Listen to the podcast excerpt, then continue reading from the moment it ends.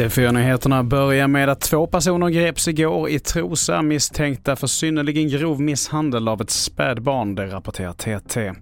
Polisen som larmades till adressen fattade misstankar om brott och barnet fick föras till sjukhus med helikopter.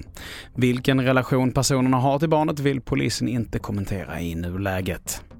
Och vi fortsätter med att påven nu ber om ursäkt för de övergrepp som den katolska kyrkan utsatte ursprungsbefolkningen för i Kanada.